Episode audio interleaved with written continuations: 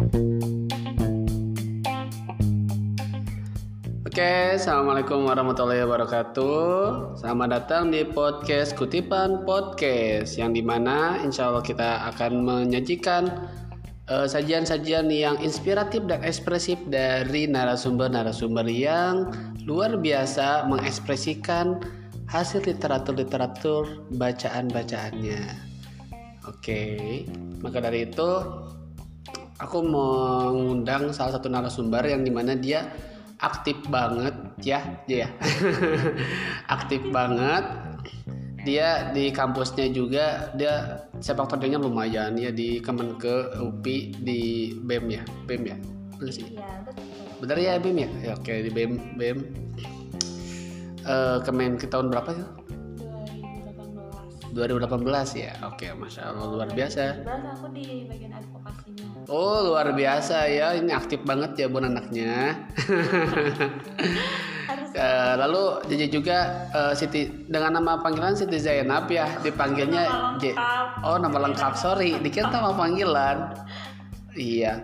Oke nama lengkap Siti Zainab dipanggil JJ Dia pun aktif di luar juga ya banyak aktif di masyarakat juga Banyak sekali sih aktif-aktifnya pokoknya anaknya aktif Iya aktif kan Iya sih memang bisa diem juga sih. Kebetulan juga sekarang dikerjanya partner sama saya. Jadi tapi dilihat ternyata eh, banyak sekali wawasannya gitu ya. Salah satunya dalam dunia anak gitu ya. Tapi eh, podcast ini ingin ngebahas tentang referensi mungkin ya referensi. Aku pernah beberapa baca postingan dari JJ YJ di Instagram. Ada tuh yang ada tiba-tiba ngutip eh, filosofi keluarga, filosofi dalam keluarga.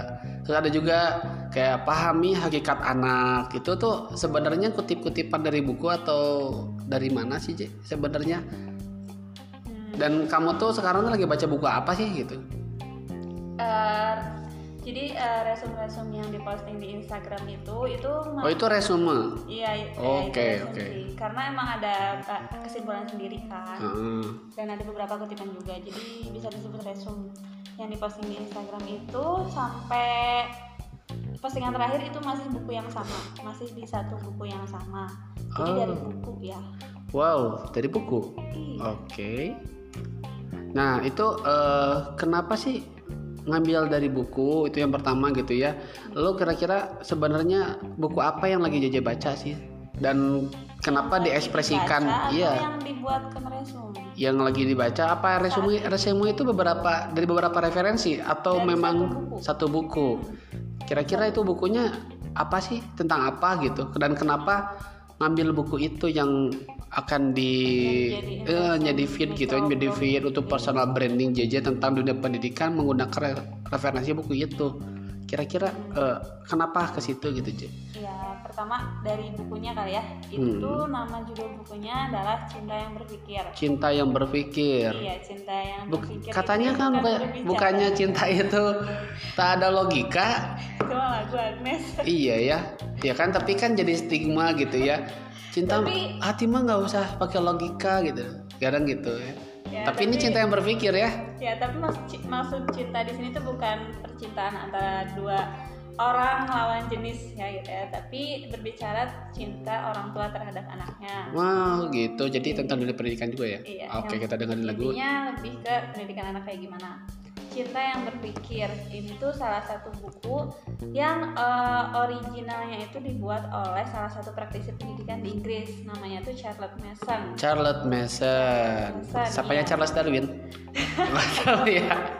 Ini bukan siapa-siapanya lah. Oh iya, kirain cucunya. Eh, mungkin saudaraan kali ya? Kayak Mungkin. iya, Ya, iya kayaknya. Eh, jadi eh, beliau in- ini tuh kayak sebuah jurnal gitu asalnya. Terus Oke. ada s- seseorang dari Indonesia bernama Ellen Christie yang dia tuh sangat mengkritisi pendidikan di Inggris yang disusun dalam sebuah jurnal oleh Charles Mason tadi. Oke. Gitu. Dan terciptalah buku ini yaitu Hmm. dengan judul Cinta yang Berpikir. Kalau dilihat dari judulnya aja gitu, Cinta yang Berpikir. Menurut Kak Burhan gimana? Aduh, bapak manggilnya. oh iya ada menurut Mas Bur. Seperti apa? Kayak ikan ya. Ikan mas gitu.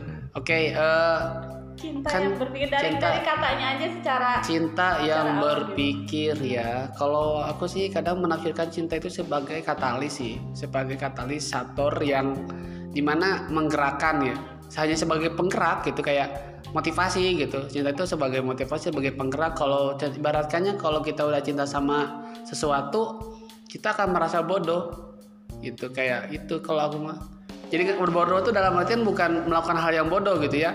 Kadang orang lain melihat kita melakukan itu tuh seperti orang bodoh. Tapi eh, kita mah melakukannya ya enjoy aja karena karena cinta teh dengan ya gitu sih kalau menurut aku gitu kadang kita mikirnya ih kamu ngapain nih sakit-sakitan merjuangin dia contohnya gitu padahal orang itu yang yang sedang mencintai seseorang tidak akan merasakan Jangan sakit gitu. nah Karena gitu dia ya. Iya, dia melakukan eh, mungkin ya, mungkin yang berpikirnya itu sebagai jalannya ya. Nah iya bisa eh, nyambung ya sedikit Oh, nyambung ya? gitu kan Padahal itu saya cuman tebak-tebakan, Iya, ada tebak sih, tafsiran saya doang. Ini tuh bis- bukan hanya bisa diterapkan kepada anak, bisa juga diterapkan kepada pasangan atau misalnya saudara atau seseorang yang kita cintain lah ya intinya. Oke, kayak gitu. Nah, jadi cinta yang berpikir eh, berlandaskan dari latar belakang yang kayak banyak orang tua tuh dia saking cintanya sama anak, dia ngikutin semua kemauan anak. Saking cintanya sama anak, dia sangat overprotective sehingga eh, apa ya? ngaruh kepada sosialisasinya anak atau perilaku anak yang terlalu diprotektifkan orang tua berdasarkan rasa cinta yang tadi. Nah, cinta yang berpikir ini tuh eh, gimana caranya sih orang tua tuh mengelola cinta kepada anaknya biar nggak biar nggak ngaruh terhadap pertumbuhannya, terhadap kognitifnya, terhadap perilakunya kayak gitu. Maka, over ya. Maka diperlukanlah bukan hanya cinta aja, tapi, Tapi- harus berpikir juga. gitu. Oke, jadi kayak, kayak misalnya mikir eh, perilaku yang saya kasih ke anak tuh bener nggak sih baik gak sih buat anak gitu atau cuma mengikuti keinginan anak aja gitu atau Oh. cuma mengikuti ambisi orang tua aja gitu oke, jadi itu eh, jadi mungkin kutipannya ya, karena kita kutipan. Berarti maka dari kutipannya itu cinta itu bukan cinta kepada anak bukan hanya sekadar eh, karena peduli ataupun simpati dan empati, tapi kita harus menggunakan logika kita menerapkan cinta kepada anak kayak gimana gitu ya, tanpa tanpa menyekat atau memplot ya, memplot kan, memplot sosialis sosialnya, memplot hubungan sama teman-temannya atau kreativitasnya mungkin kayak gitu kali ya atau gimana? iya kalau dari buku cinta yang berpikir yang saya bacain itu kan eh, ada kutipan kayak gini anak itu bukan sekadar kertas kosong yang bisa di- yang bisa bebas ditulisi apa pun anak Oke. itu bukan ranting yang bisa dibekokkan apa pun oleh anak orang itu bukan Anak kertas itu kosong. bukan eh, apa ya lilin plastis yang bisa kita bentuk se- sesuai keinginan kita tapi Oke. anak itu merupakan sesuatu pribadi yang unik dan mereka tuh utuh gitu mereka Oke. tuh punya potensi sendiri sebenarnya nah kita tugas kita sebagai orang dewasa lah ya. Oke.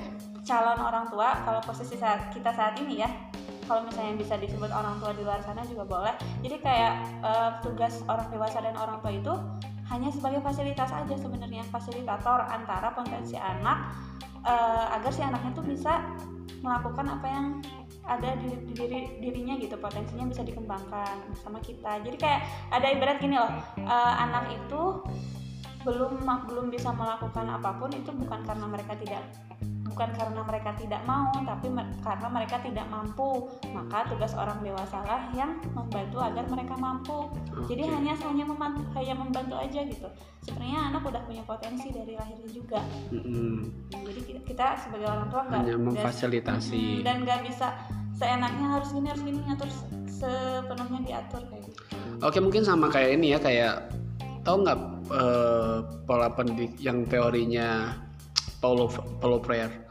tentang pola pendidik eh, bukan pola pendidikan jadi kayak bukunya itu kalau nggak salah judulnya itu pendidikan kaum tertindas tentang pendidikan bank itu juga sama sih jadi kayak si guru itu hanya menjeplak kepada anak tanpa melihat potensinya sih. Itu lebih gambarnya bukan lambang ya mungkin kasarnya seperti itu kayak kita ngasih ilmu ke anak gitu tanpa memperlihatkan potensi itu kepada anak tanpa tanpa menggunakan Menggali, menggali potensi. Kita cuman kayak copy paste lah ibaratnya copy paste copy paste copy paste. Yang dia di, yang dijeplak oleh guru tuh hanya sekedar mencetak generasi mencetak anak gitu karakter mencetak karakter tapi tidak mengembangkan karakter.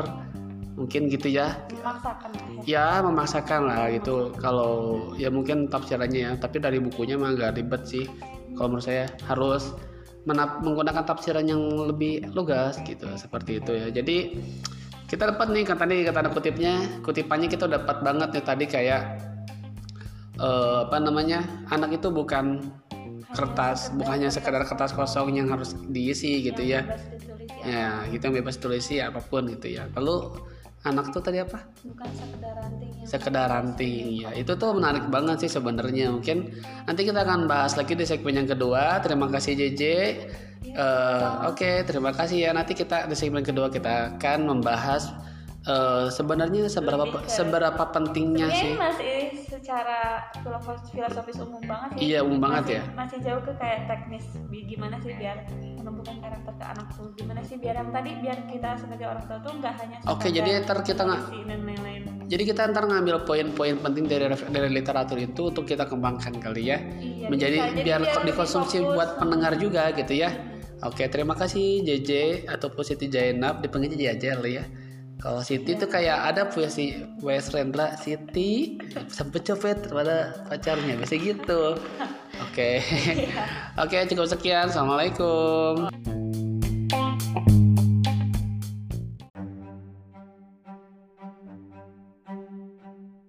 Apa yang kita pilih hari ini,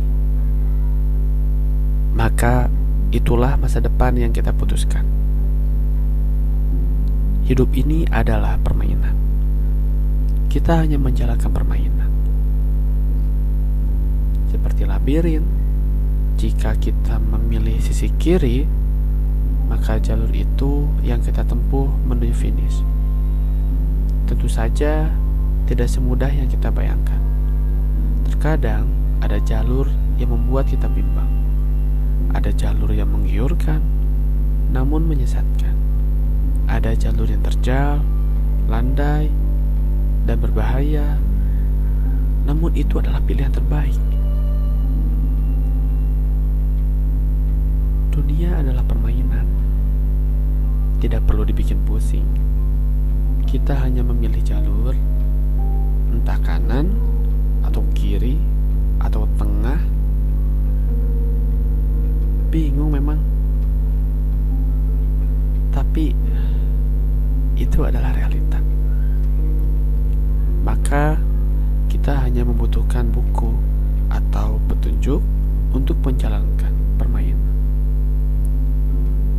Aturan, anjuran, bahkan perintah ada di dalam buku itu.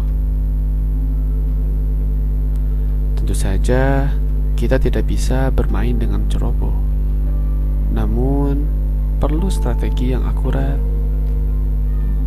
menuju finish. Buku hanya sebagai petunjuk, tidak menafsirkan semua hal. Maka itulah fungsi akal yang Tuhan berikan kepada kita. Menafsirkan petunjuk, lalu terus menempuh jalur. Tuhan begitu asik. Membuat jalur yang banyak untuk kita pilih, kita dibuat bingung. Hahaha. Lalu Tuhan memberikan petunjuk yang tebal, itu pun kita perlu menafsirkan kembali. Aku paham, jika ada suatu masalah, kita tidak perlu bersedih. Kita hanya mencoba menafsirkan permasalahan itu, lalu kita belajar dan melaju kembali menempuh jalur itu.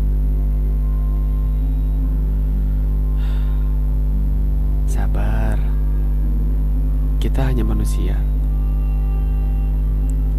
yang terintegrasi dari unsur hewan dan malaikat. Sering kita menempuh jalur nafsu seperti hewan, sering pula hati malaikat dalam diri kita